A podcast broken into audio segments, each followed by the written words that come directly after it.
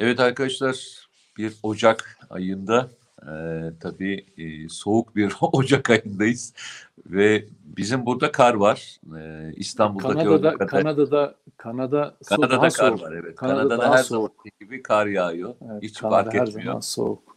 Bu bizim üçüncü karımız. Ben üçüncü karı gördüm şeyde burada. E, tabii abi daha daha da sürecek yani sizin Haziran'a kadar bildiğim kadarıyla e, hele senin bulunduğun bölge daha da yukarıya yakın kuzey. Ya ilginçtir. Hani geldiğimden beri Hakkari soğuğunu getirdim buraya öyle diyorum ben. Devamlı Evet. kar yağıyor buraya. Aynen. Yani Kanada tabii devamlı karlı bir mevsimdir ama yapacak bir şey yok artık. O, o Evet. kadar e, de diyecek bir şey yok. Şey, Arkadaşlar- sadece somon somon somon balıklarına dikkat edeceksin biraz. Ayılar çıkabilir. Ya Taş ben o düşebilir korkmuyorum. Ya ayılar e, e, ayılar e, acıkınca e, yani bulamazsa saldırıyorlar. Bazı ayılar biliyorsun memlekette bizim ayılar e, herkese saldırıyor. Yani yapacak Evet, bir şey yok. aynen maalesef. Yani bu şeyden bahsetmiyorum. Hayvan olan ayıdan bahsetmiyorum. insan ayısından bahsediyorum. Bazı arkadaşlar öyleler.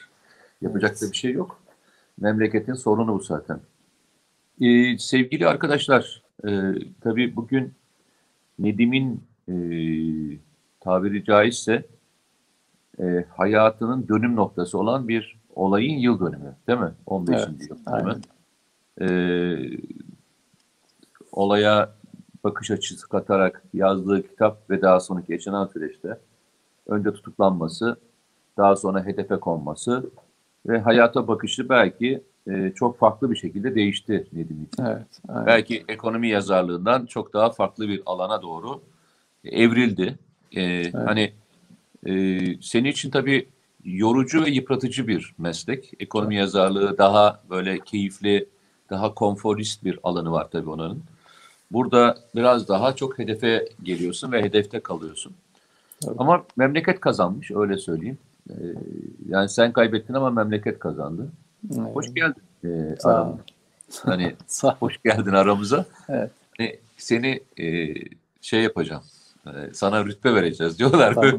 Tamam. Sana, Sana sana güvenlik- rütbe vereceğim. Güvenlik uzman, uzmanlığı rütbesi vereceğiz. Tamam peki. E, istersen oradan başla. Tabii E, tabii tabii. Hrant Dink'in e, öldürülmesinin Evet. 15. yılı bugün. Evet. Daha doğrusu ölümünün 15. yılı. Evet buyurun. Evet, şimdi Hrant Dink kimdir? Ee, suikastinin yani öldürülmesinin üzerinden 15 yıl geçti. Öncelikle onun tanımak lazım. Ee, Hrant Dink deyince işte kafamızdaki klişelerle, ön yargılarla bakmadan çok yiğit bir Anadolu insanı olduğunu tes- hakkını teslim etmemiz gerekiyor ve bu topraklarda geçmişte yaşanan acıların orada bırakılması ve bugünü ve yarını e, ortak e, ortak yaşama için neler yapılması gerektiğini hep anlatmaya çalışan yapıcı bir insan. Yani e, sözünü hiçbir kesimden esirgemeyen bir insan. Emperyalizmin maşası olmayan ki onun çevresinde çokça vardı bunlardan. Özellikle liberal takımlardan. E, o bütün bunların dışında kalarak o küçük mütevazi hayatının içinde e, yaşayıp e, Türklerin, Ermenilerin, bütün dünyanın e, kardeşçe yaşayabileceğini anlatıyordu. Ermeni e, tartışmalı Ermeni e, tehciriyle ilgili onun soykırım tartışması diye aç, açılan tartışmalarda bunun geride bırakılması gerektiğini diasporaya da söylüyordu. İşte Ermenilerle Türklerin birbirlerinin e, acılarının ilacı olacağını da söyleyen yiğit bir insandı. Ve o anlamda da herkesin de hedefiydi. Yani diasporana, Ermeni diasporasının da hedefindeydi. Türkiye'de ırkçı dediğimiz kendi derin devlet artıklarının da hedefindeydi. Nitekim e, Türklüğe hakaret ettiği düşüncesiyle yargılandığı mahkemelere gidip darp edilen, aşağılanan, e, e, gazetesinin önüne kadar gelip tehdit edilen bir insandı. Yani hedef gösterildi o tarihlerde. Ve hemen hemen bu davanın da yani Ranting davasının e, üzerine durulmayan e, en önemli kısımlardan biriydi. Ama bütün algı o oradan yürüdü. Ve Hrant Dink e, aslında bir istihbarat operasyonuyla öldürülmüş e, ve bu amaç için öldürülmüş. Ölümüne göz yumulmuş. E, suikast dosyası da bu amaçla kullanılmış e, bir kurban aynı zamanda.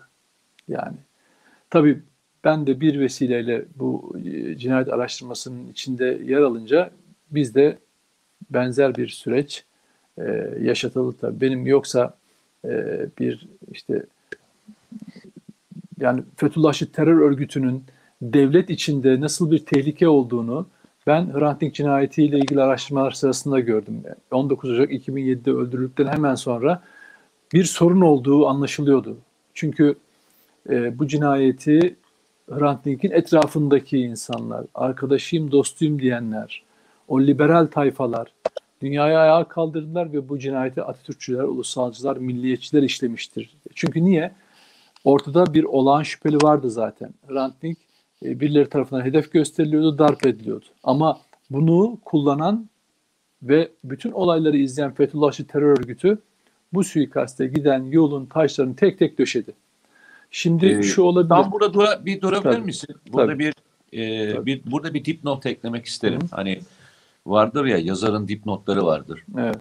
E, Rand Corporation'ın raporu e, ılımlı İslam raporu vardır. Onlar e, tam orijinali demokratik İslam diye e, yazdıkları ve Dışişleri Bakanlığı'nın e, hazırlattığı bir rapordur. Burada Türkiye bölümü, yani Türkiye ile ilgili olan bölüm çok ilginçtir. Bu bölüm içerisinde baskı altına alınması gereken, e, hani tabiri caizse soyutlanması gereken grup olarak e, şu kesimi göstermişti o zaman. Atatürkçü, vatansever ve ulusalcı kesim e, baskı altına alınması gereken e, ve sindirilmesi gereken bir kesim evet. olarak raporun içerisinde yer alıyordu.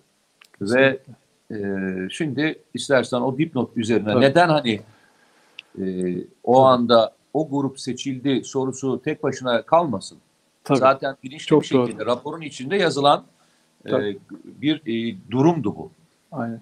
Ee, nitekim bakın Hrant Dink cinayetine, suikastine göz yuman Fethullahçı terör örgütü Amerikan istihbaratının bir koludur. Yani onların burada yaptığı her hareket, her fiil, her işlem Amerikan çıkarlarına göre düzenlenir. Ona göre yaparlar. Yaptıkları her şey. Yani bunu birçok olayda görebiliriz. 15 Temmuz darbe girişimi dahil olmak üzere Amerikan çıkarları için organize edilmiş bir operasyondur aslında. Dolayısıyla bu cinayete giden yolda e, bir algı oluşturulmaya yani cinayetten sonra bir algı oluşturulmaya çalışıldı ve bu özellikle Hrant Dink'in yakınındaki çevresindeki insanlar eliyle yürütüldü. Onlar da buna teşneydi zaten çünkü Türkiye'de tırnak içinde bir ulusalcı devlet, ulusal bir devlete her zaman karşı olmuşlardır. Hrant Dink değil. Hatta e, ikinci değil. Cumhuriyet Aynen. Cumhuriyetçiler diye bir tabirle evet. gelmişti. Aynen. Bu liberal takım, bu Amerikan beslemeleri, Avrupa beslemeleri, e, gazeteci yazar takımı o günlerde hatırlayacaksınız Türkiye'de Ermeni soykırımı ile ilgili bir buçuk milyon insan e, vardı diye işte oldu diye şey yaptılar, e, açıklamalar yaptılar ve işte mesela bunlardan bir tanesi Orhan Pamuk mesela. Gitti Nobel verdiler adama. İşte Şafak e, şey Elif Şafak'ın yazdığı kitaplar o FETÖ'nün beslemelerinden bir tanesidir. Onun yazdığı kitaplar e, hep o konuya atıf yapar ve Türkiye'yi baskılamak, Türkiye'de ulusalcı refleksleri, milli refleksleri baskılamak üzerine e, kurgulanan bir projedir o. Hrant Dink ise olan bir Hrant, şey var. Tam o dönemde hatırlarsın sen de muhtemelen. E, Özür dilerim. E, Şunu tamamlayayım bak Mete. Tamam, tamam, Hrant, Hrant Dink ise Ermeni soykırımı tartışmalarında, iddialarında emperyalizmin amaçlarına hizmet eden bir araç değildi. Buna karşı çıkan bir kişiydi. Yani e, eğer Avrupalılar Ermeni soykırımı diyorsa, Amerikalılar diyorsa ben buna karşı çıkarım diye açıkça söyleyebilen birisiydi. Ve diasporayla bu anlamda tartışma yapıyordu. Peki ne oldu? Ama FETÖ'cüler Hrant Dink suikastine göz yumarak ona onun içinde yer alarak bu cinayeti e, nasıl kullandılar? Dirisini kullanamadılar ama ölüsünü kullandılar. Yani hem ölümüne göz yumdular hem de bu cinayeti Türkiye düşmanlığı için kullandılar. Türkiye'deki ulusalcı ve milliyetçi e, tutumu yok etmek üzerine kullandılar. Ne için kullandılar e, Mete? 12 19 e, Ocak 2007'de öldürülen Hrant Dink cinayetini Ergenekon işlemiştir diye Hı hı. algı yarattılar. Kim aracılığıyla yaptılar? Bu bahsettiğim çevreler aracılığıyla. Herkes Ergenekon diye bir örgütün varlığına inandı ya da onu savundu ve bunun tasfiyesi için işte Hrant Dink'i de bunlar öldürdü zaten dediler. Böyle Ergenekon ne? Türk Türklerin tarihi destanı. Yani isim bile öyle seçiliyor ki sadece Atatürk, Atatürkçüler Türk bayrağı değil. Ergenekon tarihi, mitolojisi, tarihi bile yok edilmeye çalışılıyor. Zihinlerde kriminalize ediliyor. Nitekim Hrant Dink öldürüldüğünde katil o gün Samast'ın eline Türk bayrağı tutuşturuluyor. Fotoğrafı çekiliyor. Yanına iki tane jandarma konuyor ve dünyaya servis ediliyor. Ne demek? Arkada da Atatürk'ün yazısı. Atatürk'ün sözünün yazılı olduğu bir e, şey var. E, bir bir yazı var. Bir tablo var. Onun önüne katil o gün Samas elinde Türk bayrağı ve yanında jandarmalarla hangi algı oluşturuluyor? Hrant Dink'i öldüren bir Türk milliyetçisi işte yanında da askerler var. Arkasında da Atatürk'ün sözü. Fotoğraf buydu. Fethullahçı terör örgütünün Hrant Dink'in e, güya araştırıyormuş ya da Hrant Dink'in etrafındaki liberal satılmışlar. Türkiye'de bu algıyı oturtmaya Bir, çalıştılar. e, bir, burada bir durur musun? Yani bunu biraz kuvvetlendirelim. Neden kuvvetlendirelim? Çünkü e, unutuyoruz. Unuttuğumuz önemli şeylerden bir tanesi o dönemde e, bunun tek başına yaşanan bir olay olduğunu düşünüyoruz. Yani e, tarihi bir daha hatırlatalım mı? 15 Tabii, yıl tabii. önce 15 yıl 19 önce Ocak tabii 19 Ocak 2007. 2007. Yani aslında Ergenekon süreci daha başlamamış. 12 Haziran 2007'de başlayacak yani yaklaşık e, 5-6 ay sonra. Evet.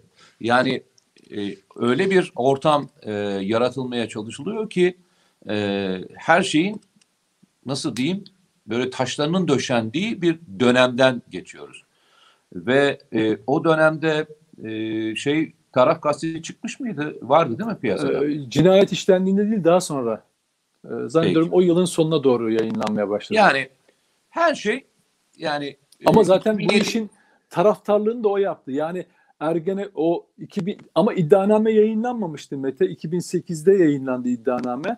Ama o o süreçte Hrant Dink cinayetinden sonra taraf gazetesi kuruldu ve bu işi Ergenekon'un yaptığı bizzat Hrant Dink'in en yakınlarının ağzından polis istihbaratçılarına dayanılarak o gazetede manşetler yapıldı. Şimdi onu söylüyorum. Yani arkadaşlar bunların her birine tek başına algıla e, baktığınızda Tabii. birisi öldürülmüş.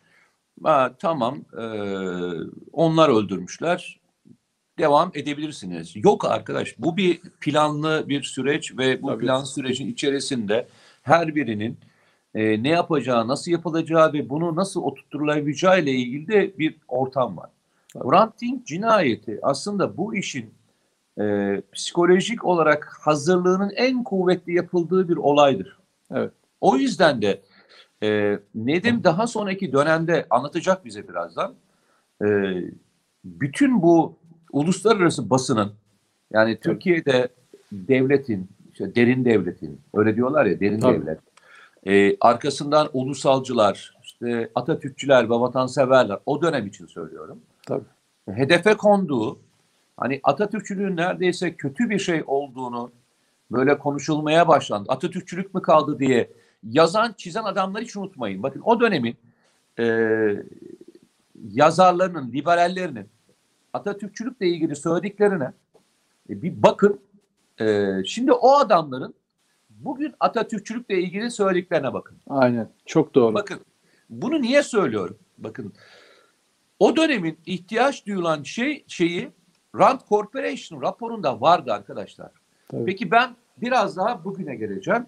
Bugün Rand Corporation'ın raporunda ön plana çıkartılması gereken ögeler olarak kimi söylüyor?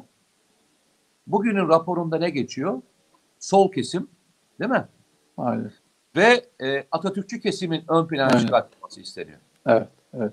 O dönemde de Rand Corporation raporunda bu kesimler yerle bir edilmesi isteniyor. Aynen. O dönemin e, yazanlarını, çizenlerine bakın. bugünün döneminin çizenlerine ve yazanlarına bakın. Bu Rand Corporation raporlarını çok önemsemeyebilirsiniz. Çok da hani şunu diyebilen arkadaşlar olabilir. Zaman zaman duyuyorum çünkü. Yani bir ülke e, istihbarat raporlarını niye bu kadar açık e, yayınlar yani çekinmezler mi diye düşünebilirsiniz. Arkadaşlar biz e, yaşadığımız hiçbir darbeden ders almamış olduğumuz için rapordan mı ders alacağız? Yani bugüne kadar aynı tuzağa kaç defa düştük? Bugün de aynı şekilde ilerlemeye çalışıyoruz. Önümüzde o kadar güzel örnekleri var ki e, rapor olmasa, başka şey olmasa açık açık söylesene fark edecek. Yani Trump ben size operasyon çekiyorum dediği anda itibaren bile Türkiye'de bunun böyle olmadığını savunan insanlar oldu. Diyeyim sana e, ondan sonraki dönemi anlatmanı rica edelim. Yani Tabii. o dönemde cinayetin oldu ve bir anda Avrupa'nın ve dünyanın bir numaralı gündemi. Tabii. Türkiye'deki aydın kesimin en iyi takip ettiği değil mi? Öyle diyeyim. Evet, evet, evet. aydın. Ay- aydın diye. Değil, Evet. diyeyim, aydın. Ee, Tabii. onlarla ilgili olan süreci başlat ve Tabii. böyle bir devam edelim. Tabii.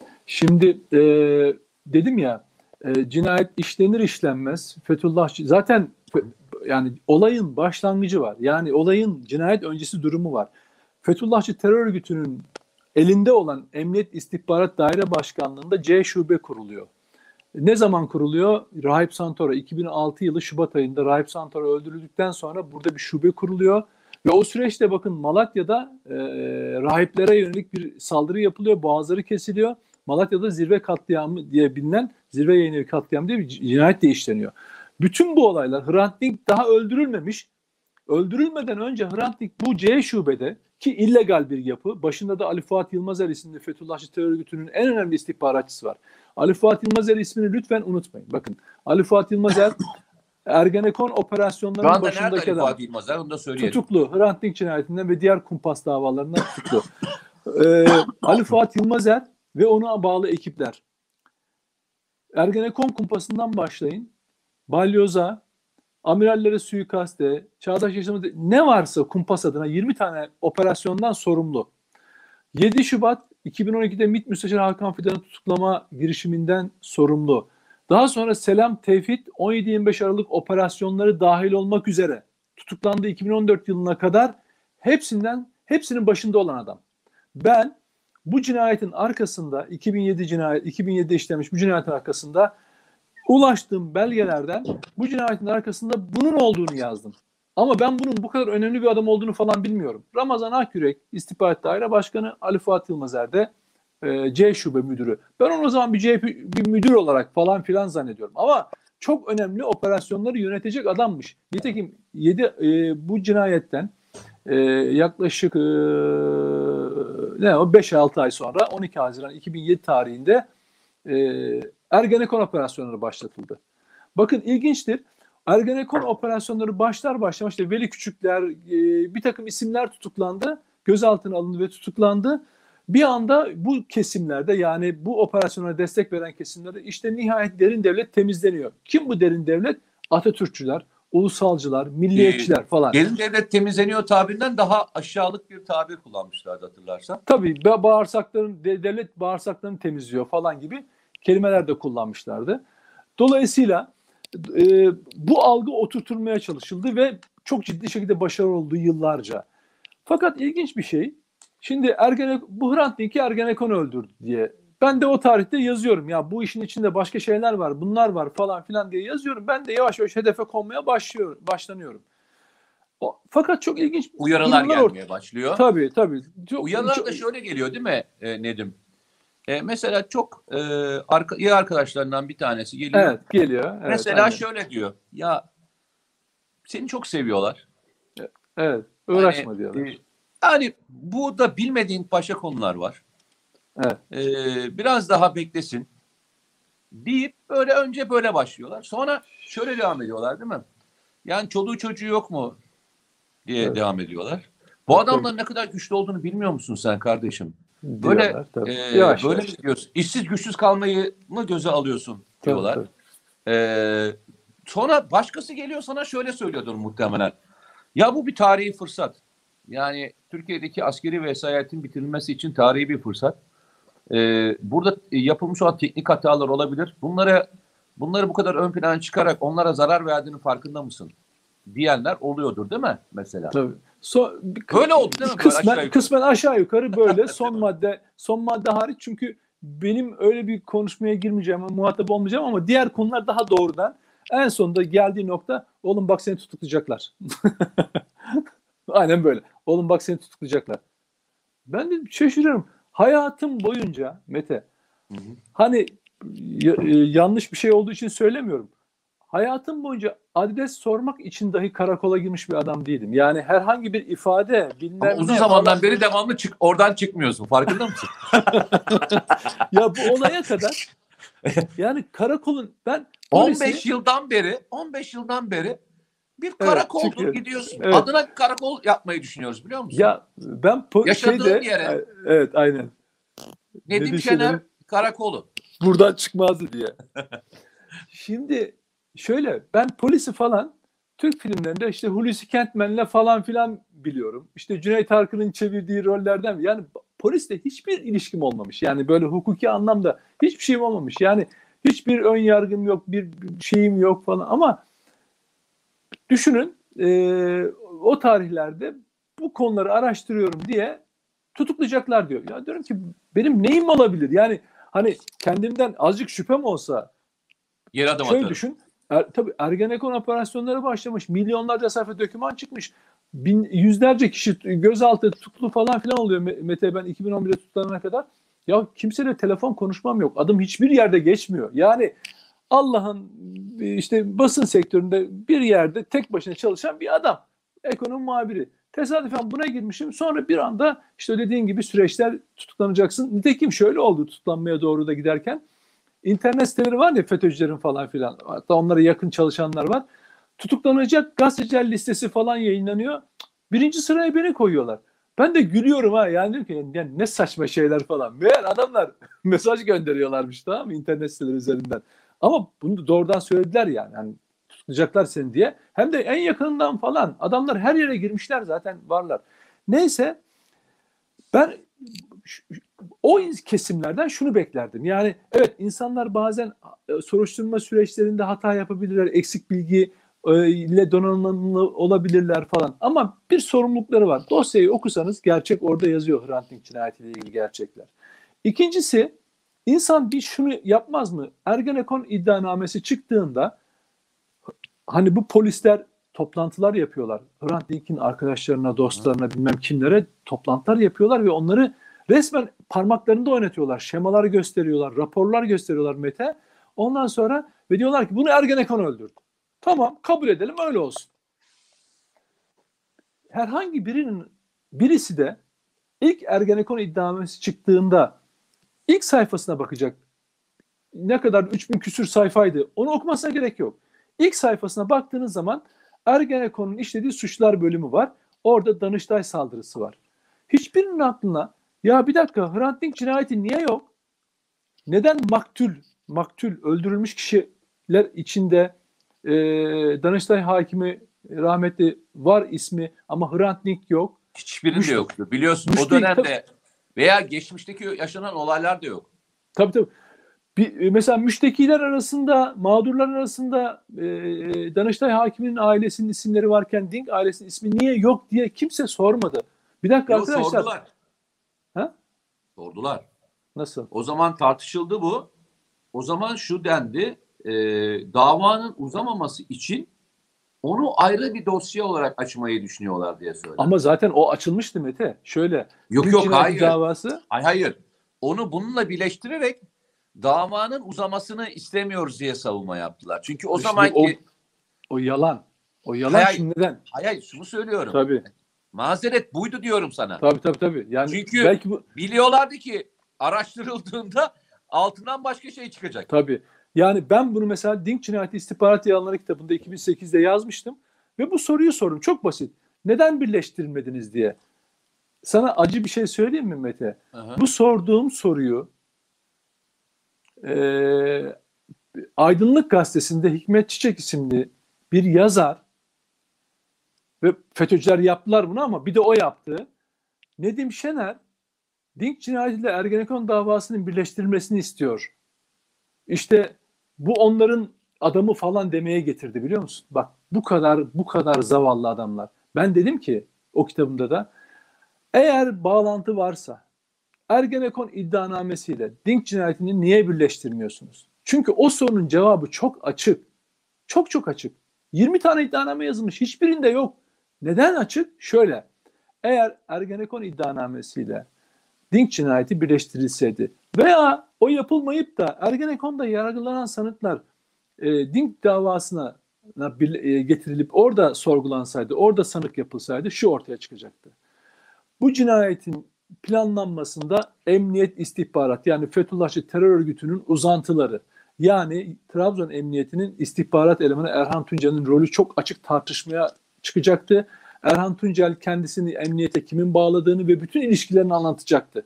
Böylece Dink cinayetinin arkasındaki FETÖ parmağı daha o tarihte ortaya çıkacaktı. Ama soruşturmayı Fethullah cinayeti planlayanlar Fethullahçı, soruşturmayı yapanlar Fethullahçı, yargılamayı yapanlar Fethullahçı terör örgütü olunca Hrant Dink'in etrafında da Fethullahçılar tarafından yönlendirilen e, aptallar olunca ya da kötü iyi niyetle söylüyorum aptallıklarını bunlar olunca bu Didem. dava niye birleştirilmedi sorusunu kimse sormadı. Çünkü o soruyu sorarsanız cinayet Dink cinayetinin üzerinden Ergenekon kumpası çökmüş olurdu. Bunu kimse istemiyordu. Hatta bazıları bile bile bunu istemiyordu. Niye biliyor musun? Hrant Dink nasılsa öldü.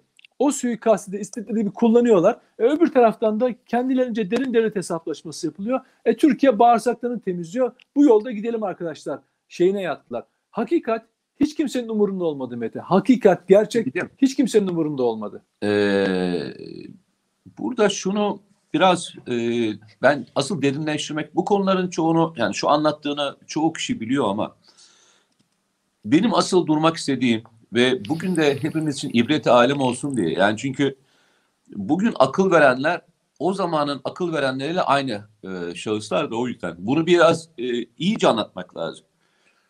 O gün Frank davasını her gün takip eden e, sivil toplum örgütleri yani bunun Ergenekon, Balyoz, işte ne diyeyim askerler, askeri vesayet, işte Atatürkçüler, onlar bunlar diye böyle paket halinde e, yargılamanın bir parçası yapmak isteyenler olay Fethullahçı örgütünün işlediği, kesinleştiği andan itibaren Aynen. daha dava bitmedi çünkü değil mi? Yani Aynen. efendim? Hadi şey dava bit şöyle bitti. Yok yok Ee, hayır hayır yani e, bu davanın süreci daha e, ne diyeyim 15 Temmuz'dan sonra bitti. Şöyle istersen kısaca anlatayım. 2007 tarihi Nisan'ında iddianame çıktı. 2012'ye kadar 5 yıl yargılaması sürdü ve biliyorsun Fethullahçı terör örgütünün organize ettiği, planladığı, üstünü örttüğü ve yargıladığı bu dava sonucunda cinayetin arkasında örgüt yoktur. Bu bir suç e, Hayır, suç yapılan ben. dediler. Fethullahçı olduğu için tekrar bir dava Geliyorum, açılmadı mı? Geliyorum. 2000 olayı öyle kapattılar. Hatta Erhan Tuncel'i bu konuda beraat ettirdiler. 17-25 Aralık operasyonlarından sonra Muammer Akkaş görevden alınca bu savcı elindeki Dink cinayeti soruşturması, devam eden soruşturma başka bir savcının eline geçti. O inceleyince benim yıllardan beri yazmaya yazdığım ve anlattığım gerçekler gün yüzüne çıktı. Çünkü dava dosyasından yazıyordum. Bunları ben üretmedim. Ben başka bir yerden bulmadım. Dava dosyasını okuyordum, oradan yazıyordum. Gerçekler bunlardı çünkü. O dava dosyasını açtığı zaman karşısına Fethullahçı terör örgütü çıktı. 2014 yılından itibaren yürü, yürütülen soruşturmada ben de tanık olarak ifade verdim. Yazdığım kitaplar nedeniyle, yaşadıklarım itibariyle ben de ifade verdim. Mahkemede de 8 saat e, e, tanık olarak ifade verdim. Ve sonunda iddianamesi çıktı. Yargılaması da geçenlerde bitti. Bu olayın Fethullahçı terör örgütünün Ergenekon operasyonunun altyapısını hazırlamak amacıyla göz yumduğu bir cinayet olduğu netleşti ve Fethullahçı müfettiş, gazeteci, e, istihbaratçılar ceza aldılar Mete bu konuda. Bununla ilgili bu davayı e, takip eden onlarca yazı yazanlar. E, mesela bununla ilgili düzeltme yazısı yazdılar mı? Aa yok Mete şöyle, orayı da şöyle Sonra anlatayım. mesela bunun FETÖ'cü örgüt tarafından işlenmiş olduğuyla ilgili de bir yazı yazdılar mı? Aa, Mete, Meteciğim katili beğenmiyorlar. Ha, o Gerçek katil- Ve tamam. katili beğenmiyorlar. Şimdi. Onlar ka- ka- katil olarak kafalarında Atatürk, Atatürkçüler, ulusalcılar, milliyetçiler katilin o olmasını istiyorlardı. Hı. Öyle çıkmasını istiyorlardı. Yanılmaktan hiç memnun olmadılar. Çünkü e, cinayetin arkasında onları kullanan Fethullahçı terör örgütü çıktı. Aslında Hrant Dink'in söylediği dava gerçekleşti. Yani emperyalizmin Aynen. kendisini öldürdüğü ortaya çıkınca Tabii. emperyalizmin uşakları e, davadan çekildiler. çekildiler. Nasıl oldu? Çok insanlar bilirler. 2007-2012 arasında dava özel yetkili mahkemelerde Beşiktaş'ta görülürken salonlara insanlar sığmazdı. Avrupa'dan Beşik Avrupa'dan baro başkanları, avukatlar, Beşiktaş sokakları pankartın arkasında herkes fotoğraf çektirmeye bayılırdı. Siyasetçiler olurdu. Ama ne zaman ki cinayetin arkasında Fethullahçı terör örgütünün istihbaratçıları çıkıp yargılanmaya başladı, o zaman duruşmaya tek kişi gelmedi. Sadece e, onu geçmeyen sayıları zaman zaman onu bulabilen e, Hrant'ın vefalı birkaç arkadaşı, onun dışında kimse davayı da takip etmedi. Bıraktılar. Niye? Çünkü cinayetin arkasında onları kullanan Fethullahçı terör örgütü vardı ve bu onların hiç hoşuna gitmedi. Niye? Ka- çünkü katili beğenmiyorlardı. Onların kafasındaki katil o gerçek değildi. Onlara bir yalan söylenmişti ya da onlar bu yalanın ortağı veya bu suçun Yalan mı ortağı olmuşlardı. Yani iyi niyetle söylüyorum. İyi niyetle Ha? söylüyorum. İyi niyetle söylüyorum. Diyelim ki bu suçun ortağı olmuşlardı. Ama gerçek ortaya çıkınca yani bu cinayetin arkasında eee, bu cinayetin arkasında bunları bu bu takımı bu liberalleri bunların hepsini kullanan FETÖ'cüler çıkınca hepsi kenara çekildiler. Duruşmayı bile takip etmediler. Şimdi bugünlerden yine ne yapıyorlar Mete? İşte katil devlet hesap verecek sloganları. Bak şimdi bakacaksın katil devlet hesap verecek.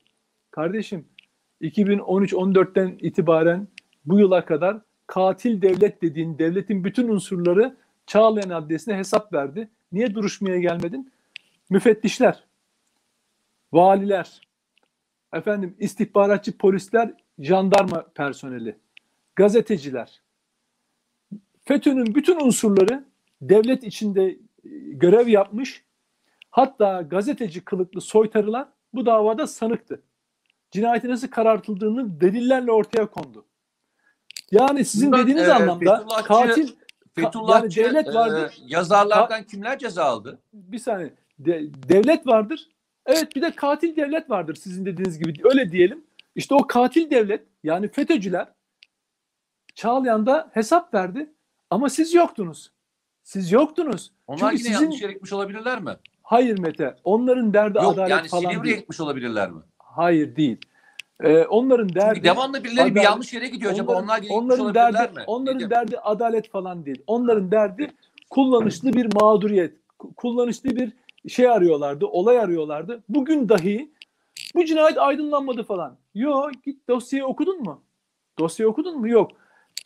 Eksikleri eksikleri söyleyebilirsin ama bu cinayet aydınlanmadı diyemezsin. O zaman gerçeğe hakaret etmiş olursun. Ve ben de nasıl bugüne kadar bu olayı e, gerçekten anlatmaya çalışırsam onlara karşı da bu algı operasyonları mücadelesini vermeye gerçekten kararlıyım yani. Ama dediğim Ben bir gibi şey söyleyeyim mi? Tabii. Ee, Nedim, ee, merak etme aynı ekip başka algı operasyonları yapmaya devam Tabii. ediyor. Yani tabii, tabii. yani ekibin ekip değişmedi ki. Ekip aynı ekip aynı şeyleri söylüyor. Farklı Tabii. şeyler söylüyorlar. Farklı Tabii. şekilde e, geliyorlar. Yani biz Tabii. Karabağ mevzusunu görüyoruz. Aynı Tabii, ekibi tabii. orada görüyoruz. Doğu Akdeniz'de aynı ekibi görüyoruz. Ben sana söyleyeyim. Yani e, Ege diyorsun aynı yerden çıkıyor. Aynen. Libya diyorsun aynı yerden çıkıyor. Tabii. SİHA diyorsun aynı yerden çıkıyor. Hep aynı ekip çıkıyor. Yani değişen hiçbir şey yok ya. Ama işin kö- kötü tarafı ne biliyor musun? Hani e, zaman zaman çok konuşuluyor, çok da tartışılıyor. Hani kandırıldık mevzusu e, tartışılırken hani bunun eleştirisini Sayın Cumhurbaşkanı yapmıştı. Allah beni affetsin demiş. Hatırlıyor musun 15 Temmuz'da? Tabii, tabii. Hatırlıyor musun? Ve e, bunu çok kullanıldılar. Peki ben size şunu soracağım size. Peki bu süreçler yaşanırken e, başka kandırılanlar yok muydu? Onu anlatayım Meteciğim. Yani Ee, e, o kandırılanlar bugün kandırmaya devam etmiyorlar mı? Bugün alkışlattığınız adamlar o gün sizi kandıranlar değiller miydi?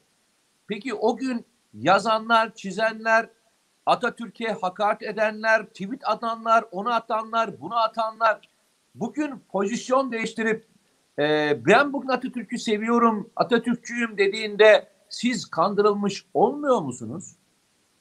Yani hep bir kandırılmakla ilgili böyle bir espri yapılıyor ya, bir espri yapılıyor. Aslında bunun en büyük örneklerinden bir tanesi Hrant Dink davası. Bunun e, nasıl diyeyim böyle işaret fişan, fişeğinden daha fazlası. Tabii. Yani o kadar her şeyi belli ediyor ki o zamanki yazan çizen tayfaya bak, bugün yazmayan Aynen. çizmeyen tayfaya bak. Aynen. Al onların o gün yazdıklarına bak, bugün yazdıklarına bak. Ya bak size bir tane şey veriyorum. Elinize bir done veriyorum. Bu doneyi alın, bugüne uygulayın. Geçmiştekileri bugüne uygulayın. Bulacaksınız ya. Yani kandırılmak istemiyorsanız, kandırılmak istemiyorsanız bu olayın içerisindeki yaşanan süreçte de kandırılmamak lazım. Mete Değişen şöyle bir şey yok. Yani benim üzüldüğüm konu ne biliyor musun? Ee, Allah göstermesin. Bugün bir şey yaşansa, bugün bir şey yaşansa ki bunun örneklerini zaman zaman seninle beraber tartışıyoruz televizyon programlarında. Israrla da e, hani birçok şeyin takipçisi olacağız diyoruz. Bu takipçisi olacağız dediğimiz şeylerden bir tanesi nedir biliyor musun? Nedir? FETÖ'cüler geçmişte de yapacaklarını önceden başkasının üstüne yıkacak olan mesajları verirlerdi. Hatırlıyor musun? Tabii. Ve o mesajları verir, verir, verir, verir. Arkasından da eylemi yapardı. Ve sonra biz hayatı Kurtlar Vadisi gibi düşündüğümüz için vay be ne kadar da her şeyi biliyorlar hikayesine komployu hayatın kendisinin gerçeği olarak kabul ederiz. Bugün yaşanan süreçler de böyle gideceği için endişelerimizi sıklıkla yani böyle ağzınızdan çıkan lafa dikkat edin. Bu lafı eğer peşini bırakıyorsanız da hata yapıyorsunuz diyoruz. Örnek verelim. Mesela bir siyasi cinayet işlenecek hikayesi konuşuluyordu ya. Düşün peşine diyoruz değil mi? Yani Tabii. bırakmayın peşine. Bu lafla kalmasın. Tabii. Bunun e, ne, nasıl olacağını da söyleyin. Tabii nasıl olacak dediğim nerede nasıl yapacaklarını demiyorum. Kim yapacak? Nasıl yapacak? Kimden öğrendiğiniz? Bunu savcılığa doğru taşıyın ki daha sonraki yaşanacak süreçte başımıza başka bir şey gelmesin. Çünkü bu örgüt böyle çalışan bir örgüt. Geçmişte de böyle kullandı. Bugün de kullanmaya devam ediyor. Biz örgüt deyince yanlış anlamayın. FETÖ'yü konuşmuyoruz yalnızca. Emperyalizmin örgütünden bahsediyoruz. Ve Türkiye'de kullandığı farklı enstrümanları kullan e, düşü söylüyor. Hani sen şey yazmıştın ya kitabında renklendirmeyi hatırlar. Hı. Evet. Aslında e, CIA e, veya onun gibi örgütler emperyalizmin e, kullandığı e, sistemler, istihbarat örgütleri renklendirmeyi çok iyi bilirler. O yalnızca FETÖ'nün yaptığı bir taktik değil. O zaten emperyalizmin herkesin içinde bir adamın olması gerektiğinin felsefesidir yani. Bu, bu, bu gerçektir. Tabii. Her siyasi partinin içerisinde, her bürokrasinin içerisinde, sivil toplum örgütleri, sivil toplum örgütlerinin kurulması, gazeteciler, askerler, onların adamı olanların e, ön plana çıkartacağı bir e, süreç vardır. Mesele ne biliyor musunuz? Bu süreçler içerisinde bu şahısların uzun vadede neler söylediği ve ne kadar yanıldıklarını bir takip etmenizi rica ederim ya. Gerçekten rica ediyorum.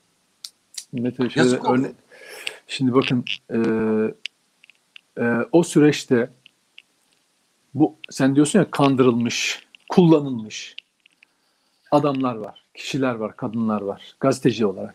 Ben hep şunu Yok yalnızca gazeteci olarak söylemedim ben bunu. Ben, Ben ben genel, genel şimdi ortada bir gazeteci cinayeti var ve gazetecilerin kararttığı bir gazeteci cinayeti var. Dünyada bak basın tarihinde böyle bir örnek yok. Dünyanın birçok ülkesinde gazeteciler öldürülmüştür. Ama meslektaşları onu aydınlatmak için ellerinden geleni yaparlar. Türkiye'de ise Hrant cinayeti bizzat gazeteciler tarafından karartılmaya çalışıldı. Bak cinayetin operasyonel boyutu, planlanması, icrası, soruşturması ve kovuşturması tam bir FETÖ istihbarat operasyonuydu. Ama burada kullanılan en önemli enstrüman medyaydı, gazetecilerdi. Ve bu cinayetin karartılmasında hem de kim? Hrant Dink'e en yakın olduğunu söyleyen gazeteciler bu işi yaptılar. Yani cinayeti karartma işini Hrant Dink'i e, sözde arkadaşıyım diyen, onu tanıyorum diyen, sözde yas tutan e, gazeteciler aracılığıyla yapıldı. Ve dünya, dünya bakın şunu söylüyorum, dünya basın tarihinde yok bunun örneği. Dünya basın tarihinde veya dünya insanlık tarihinde bunu yapıp da utanmama diye bir duygu da yoktur biliyor musunuz? Mesela Ahmet Altan. Daha geçenlerde yine bir yerlerden ödül aldı falan. Ödül verdiler yurt dışından. Şimdi şöyle bir şey düşünebiliyor musun Mete? Ben bu cinayeti karartmak konusunda manşetler atmış olsam, ister bilerek ister kazayen falan, taraf gibi bir paçavra, bir Fethullahçı terör örgütünün paçavrasını çıkarmış olsam, yahu değil insan içine çıkmak, ağzımı açmam. Değil ağzımı açmak, ödül vermeye kalksalar durun ya ben bir hata yaptım. Yaptığım haberlerin çoğu yalan, sahteydi. Bizi kullandılar. Aldatıldık de en azından değil mi? Bir öz eleştiri yap. Hayır arkadaş. Yüksek perdeden kendince böyle megalomani, hastalık derecesinde hala demokrasiden, bilmem neden bahsediyor. En kötüsü ne biliyor musun? Kendi deyimiyle insanın en büyük e, üzüntüsü nedir diye bir şey söylemişti. Yanılmış olmak. Yanılmış olmasını, yanılmış olduğunu, hata yaptığını, yalan söylediğini kabul etmeyen bir kişilik. Hastalıklı Ya bir kişilik adam yani. e, gücünü nefretinden aldığını söylüyordu. Şöyle. E, ve Gücünü bu kişi nefretinden aldığını ve bu söylüyordu. kişi dünyada şuradan buradan ödül alıyor biliyor musun?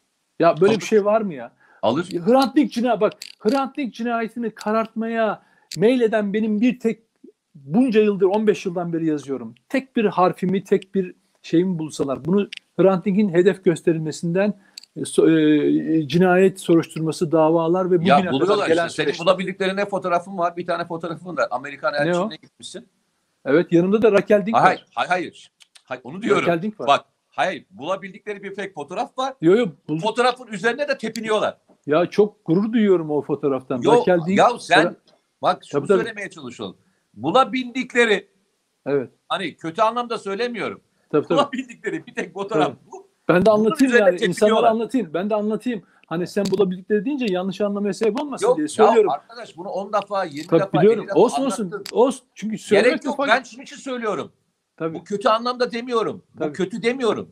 Bulabildikleri tabii, tabii, hani kullanmaya tabii. hani Amerika ile seni bir araya getirebildikleri tek yer burası diye söylüyorum. Evet, evet, evet. O kadar. Yani evet. Orada da o fotoğrafta da hani gözden kaçmasın Hrant Dink'in eşi Raquel Dink vardır. Zaten bizi beraber istedikleri için oraya sırf e, Şafak Pavey'in daveti için üzerine gittim. Neyse onu geçelim. Böyle bir durum olsaydı yani ben Hrant Dink cinayetinde es kaza, yanlışlıkla hataen bile yapmış olsaydım yerin dibine batırırlardı. Ben uluslararası e, alanda bu konuda 3 tane ödül aldım. Ü- Türkiye'de ödüller aldım. Yemin ediyorum hiçbirinin yüzüne bakamazdım. Ama şöyle düşünün. Ahmet Altan Taraf Gazetesi'nde bu cinayetin karartılmasında rol almış, yazılar yazılmış ve bu gazetenin yönetmenliğini yapmış Yasemin Çongar. Hocam Hrant Dink ödülü aldı ya. Hrant Dink Uluslararası Gazetecilik ödülü aldı. Ne güzel ya. Ya böyle bir şey var mı? Bak Var abi cinayet- ben geçen Ya bak- günde şimdi burada vermeyeyim başka bir şey. Sen ne dedin ya? Türkiye'de katiline aşık ettirirler mi dedim bir şey söyle. aynen aynen aynen öyle. Ben Pe- Pervin Buldan geçenlerde gitmiş yine bir kongre bir toplantı vesileyle şey atıyoruz insanlar e, zıgıt falan çekiyorlar falan. Ya diyorum ki ben yani Kürt kökenli o bölgede yaşayan bir insanım. Benim komşumu kendi o soydan gelen insanları öldürmüş bir terör örgütü var ve onun da sözcülüğünü yapan siyasi parti var. Ben bunları bunlara oy veriyorum veya bunları destekliyorum. Ya arkadaş hani katiline aşık olmak böyle bir şey herhalde falan diyorum. Yani e diyorum ya Türkiye'de bunu yaparlar. Şimdi anlatmaya çalıştığım şey şu. Bu kişiler hala Yasemin Çongar'da, Ahmet Altan'da falan hala gazetecilik dersi vermeye kalkıyorlar. Demokrasi, hukuk dersi vermeye kalkıyorlar. Bunlar Fethullahçıların kullandığı basit aparatlardı. Ahmet Altanlar, Yasemin Çongarlar ve Taraf Gazetesi'nde yazı yazanlar. Bak, Fethullahçıların kullandığı küçük aparatlardı. Başka hiçbir şey değillerdi. Çıkıp bir tanesi dahi o Taraf Gazetesi'nde yazdığını övgüyle, onunla anlatamazlar. Ya şey Bak, çok onunla- ilginç. Ben bugün bir şey gördüm. Sen de gördün mü bilmiyorum. Ee, taraf okuyorum ve gurur duyuyorum diye böyle bir e, tarafın gördün mü o şeyi bugün? Tabii gördüm, manşeti gördüm. Gö- Manşeti gördüm. Çok ilginç Hatırlı- gelmedi. Yani Ya şey hatır- bana Tabii tabii. işte şey gelmedi biliyor musun? Neden? Yok Hiç yok. şaşırmadın değil mi? Şaşırmadın. Şaşırmadım. Yani. Tabii. Çünkü nasıl bir Türkiye, on, o kişilerin nerelerde kullanıldığını bir kısmı iyi niyetlice röportaj vermiş olabilir ya da görüş vermiş olabilir ama o tiplerin sonradan nerelerde kullanıldığını düşünürseniz Türkiye'yi şey nereye demedi. götürmek istendiğini Yani anlıyorsun. biz burada e, bir operasyonun bir parçası olduk falan diye bir eleştiri görmedim. asla bak Ama işler- ama her Tabii. gün şey görürsün. Böyle büyük büyük e, söylemler, büyük büyük tabii nutuklar görürsün. abi bak bunların bir özelliği var bu tiplerin. İktidarın da en yakınında duracaklar, iktidar olacaklar. Muhalefeti de ele geçirecekler, muhalif de olacaklar. Hem iktidar olacaklar hem muhalif olacaklar. Bunların ortak özelliği bu. Muhalefe, muhalefe, muhalifliğe geçmek niçin onlar için önemli biliyor musun? İktidar olmak adına. Yani tekrar borularını öttürmek istiyorlar. Yani bu tasfiye edilmiş, zamanında iktidarın payandalığını yapmış, FETÖ'nün payandalığını yapmış bu adamlar.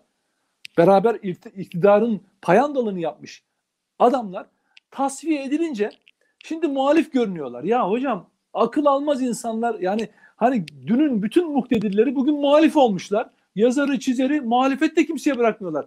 Hakikaten erdemiyle muhalif olan sosyalist ya da işte sol kesim diyelim kenara Onlar işsiz, çekilmiş etme, sesleri onlar çıkmıyor. işsiz. Bak sesleri onlar onlar işsiz, merak işsiz. etme. aynen o, Onlar işsiz. işsiz. Abi muhalefeti de ele geçirmişler Amerikancılar ve ne için uğraşıyorlar biliyor musun? İktidar tekrar iktidar olmak için. Yani o günlere tekrar dönmeye çalışıyorlar. Bütün dertleri bu. Hani bak şöyle bugün hukuk eksikliğinden bahsedenlerin tamamı dünkü hukuksuzluğun altında imzası olanlar yetmez ama evetçiler hocam ya. Düşünebiliyor musun ya? Orhan Pamuk muhalif olmuş hocam. Elif Şafak muhalif olmuş. Ah- Ah- Ahmet Davutoğlu muhalif olmuş. Ali Babacan muhalif olmuş hocam ya. Ve bunlar Atatürkçü kesim tarafı Atatürkçü kesimi de manipüle edebiliyorlar ya. Yıllardan beri muhalif olan Atatürkçü kesim bunların elinde oyuncak olmuş. Bunlar da aval aval Halk TV'de onları izliyorlar ya. Ya böyle bir şey var mı kardeşim? Böyle bir tiyatro var mı? Böyle bir oyun var mı ya? Ha şimdi ben tiyatro lafı geçti ya. Muhtemelen tiyatrocunun birisi Ekrem İmamoğlu'na fırça atmış. Ee, bir konuşmasında tiyatro geçiyor. İşte tiyatro böyle kötü şeylere alet edilmez kelimesi falan filan diye. Ee, 15 Temmuz'da tiyatro derken susan kişiler bu tür hassasiyetleri e, kazanmış olmaları da güzel bir şey. Neyse onu da geçelim. Dolayısıyla demek istediğim Ee, Mete. Artık toparlayalım. Ee, Tabii, süremizin demek istediğim geldik. demek istediğim Hrant Dink cinayeti başa dönersem Hrant Dink cinayeti bana hani evet benim hayatımı de bambaşka hale getirdi. Ben hiç dedim ya hayatımda karakol yüzü görmemiş bir adam. E, ceza Silivri cezaevine girmişim.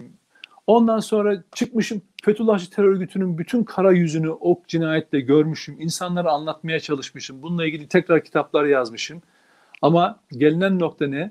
Bugün bir, Allah'a çok şükrediyorum. Bin şükrediyorum ki Hrant Dink cinayetinde 15 yıl önce yazdığım gerçekler bugün tartışılması bir şekilde hukuk tarafından onaylanmış durumda. Gerçek de bu. Hiç kimsenin söyleyecek sözü kalmadı. Katil devlet hesap verecek diyenler dev- devletin katil yüzü FETÖ'cüler o davada hesap verirken ortada görünmüyorlardı ama ben her zaman gidip orada tanıklığımı da yaptım. e, ifademi verdim ve hukuk yerini buldu. Fikri takibinde yapmaya Tabii devam tarihsel edelim. olarak ben gazeteci olarak yüzüm kara çıkmadığı için ben gurur diyorum. Nitekim bu davada ben mesela düşün Ergenekon davasında Dink cinayetiyle ilgili Yazdığın yazı- kitaptan e, değiştirdiğin bir şey oldu mu? Hayır hayır tam tersi. Mesela 2009'da yazdığım Dink cinayeti yani 2008'de yazmıştım. Dink cinayeti istihbarat yalanları kitabını geliştirerek 2010'da Kırmızı Cuma olarak yazdım.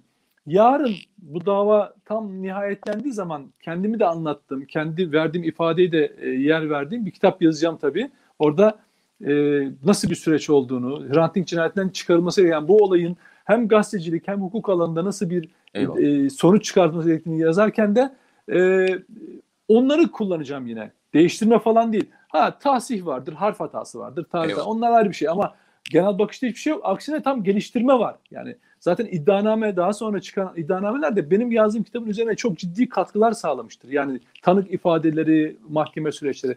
Dolayısıyla ben e, aynaya baktığım zaman kardeşim, ta geçmişe baktığım zaman ben o kitapları savunabiliyorum.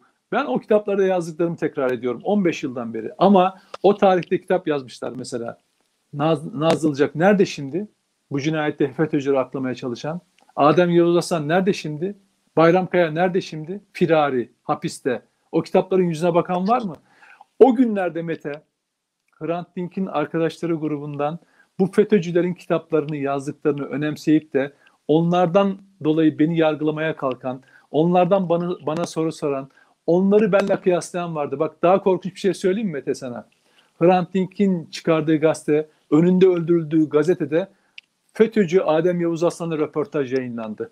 Benimle röportaj yayın bak bak nasıl oldu biliyor musun o? Benimle röportaj yaptılar ama birileri devreye girdi. Nedim Şener ulusalcı, Atatürkçü biliniyor ya. O öyle tek başına olmaz. Ne yaptılar biliyor musun? Benim röportajımın karşısına Adem Yavuz Aslan'ın röportajını koydular. Bak Agos gazetesinde oldu bu. Benim röportajımın karşısına Yıl? iki- 2010 olabilir. 2000, 2009 10 yani o civara tutuklanmadan önce ve şöyle bir şey benimle röportaj yapan Ağustos'taki muhabire o grup içinden iftiralar atıldı. Sırf benimle röportaj yaptı diye. Sonra işinden oldu. Ama o FETÖ'cü Adem Yavuz Aslan bu cinayetin içinde rol almış örgütün elemanı ve bu cinayeti karartmak üzere kitap yazmış olan Adem Yavuz Aslan Agos gazetesine röportajı yayınlandı hocam düşünebiliyor musun? Ya- düş- düşünürüm. Ya Ee, nasıl biliyor musun? Bak, bak Ya yani sana çok nerelere basit bir şey anlatacağım. Bak sana çok basit bir şey anlatacağım. Ee, bu balyoz ve ergenekon e, süreçleri yaşandığı dönemde e, tabii bir sürü it, e, itiraflar, işte pardon bir sürü e, itiraf diyorum, e, bir sürü suçlamalar ve şeyler var. Arkadaşım bir tanesi çok ilginç bir şey söylemiş. Subay arkadaşlarımdan bir tanesi. Tutuklanıyor, geçiyor. E, evine e, geliyor lojmanda olduğu için diğer ailelerden de geliyorlar ve işte onunla beraber acısını ve şeyini paylaşıyorlar. E, daha sonra öğreniyorum ki diyor aradan yıllar geçiyor işte 15 Temmuz sonrası sürecinden sonra. E, adam darbeci yani FETÖ örgütünün mensubu ve e, hakkında şeyi yapan da o. Mı? Suçlama yapan da o. Suçlama yapan da o. Bu iş böyle ya. Yani e, katilin e, tekrar dönüp kahraman gibi ağırlandığı herhalde bizim ülke var Bu, galiba. bu- ya. ya Mete bak bunu Bizim bir film, var galiba. Bu bir, bir filmde düşün. Bir örgütün bu cinayetin arkasındaki rolü belli. Gazetecilerinin yaptığı roller belli ve öldürülen gazetecinin çıkardığı gazetede bunun bu cinayeti karartmaya çalışan e, FETÖ'cü Adem Yavuz Aslan'ın röportajı yayınlanıyor. Ya bu başlı başına bir film olacak bir şey ya. Yani bak o gün Yok o röportajı ya yapanlar bu süreç ben hala o sürecin Bak ben- devam ettiğini düşündüğüm Mete, için e, bak film ben- devam ediyor. Bak Ee, ben- Nedim Şener. ben bugün bak bugün bugün bu 15. yılında Fragman aynı bile güçle- yayınlamıyorlar biliyor musun? aynı güçle aynı güçle Hrant Dink cinayetinde ne biliyorsam o gün söylediklerimi bugün tekrar ediyorum. Çünkü başka bir gerçek yok. Peki o röportajı yapanlar Adem Yavuz Aslan'ın röportajını oraya koyanlar nerede? Adem Yavuz Aslan'ın nerede olduğunu biliyoruz. Firari Evet, Amerika'da kaçak. Devleti satmakla, devletini satmakla meşgul. Peki o röportajı oraya koyanlar ya arkadaş biz ne yaptık ya? Dink cinayetinin arkasında bunlar çıktı. Daha Nedim Şener bunu yıllardan beri söylüyordu. E biz de zaten ona dayanarak röportajını koyduk. Sonra Adem Yavuz Aslan'ın biz röportajını nasıl koyduk buraya? Ya biz nasıl bu noktaya geldik? Bak hiç bu konuda öz eleştirileri bile yok. Ama hala bak hala kendileri küçücük bir ele, öz eleştiri yapmayan kullanışlı bu aptallar diyorum tırnak içinde kendi deyimleriyle söylüyorum. Devleti suçlamaktan geri durmuyorlar. Eyvallah. Bak devleti suçlamaktan geri durmuyorlar. Bak devlet diyoruz ki devletin katil ayağı, katil devletin o ayağı Fethullahçılar hesap verirken gidip o duruşmayı takip bile etmediniz kardeşim siz ya. Takip bile etmediniz. Ama Ergenekon'du bilmem neydi dendi. Bunu Atatürkçüler, ulusalcılar dediği zaman salonlarda adım atacak yer bırakmıyordunuz. Ya merak Ne etme oldu? onlar yine şu anda da Atatürkçüyüz diye yer bırakmıyorlar. Yani yani lütfen Aynen. rica ediyorum ya lütfen rica ediyorum Evet. ya yani böyle e, Nedim e, şeye Tabii. girme lütfen rica ediyorum. Tabii. Ee, arkadaşlar bir cinayetin anatomisi diye böyle kitaplar yazılır bilir misiniz? Yalnızca Hrant Dink cinayeti tek başına bir anatomisi yapılacak olan bir e, cinayet değil. Bir devrin anatomisinin yapılması gerekiyor. Aynen. Ve bu devrin anatomisi içerisinde yalnızca cinayeti işleyenler değil, bu işleme sürecinin içerisinde hazırlık sürecinin de ve daha Tabii. sonraki süreçlerin de çok iyi Kesinlikle. yapılması gerekiyor. Medya, medya, medya. Ve e, Kirli bunu medya. lütfen bunu lütfen takip ederseniz aldatılmazsınız, kandırılmazsınız ve hayal kırıklığına uğramazsınız. Aynen. Kendinize iyi bakın. Allah'a emanet olun. Süper Haber'den, e, Memleket Aşkı'ndan, Nedim Şener'den, Nedim Şener'in yazılarından lütfen ayrılmayınız. Sağ olun hepiniz. Kendinize iyi Çok bakın. Allah'a emanet olun. Görüşürüz.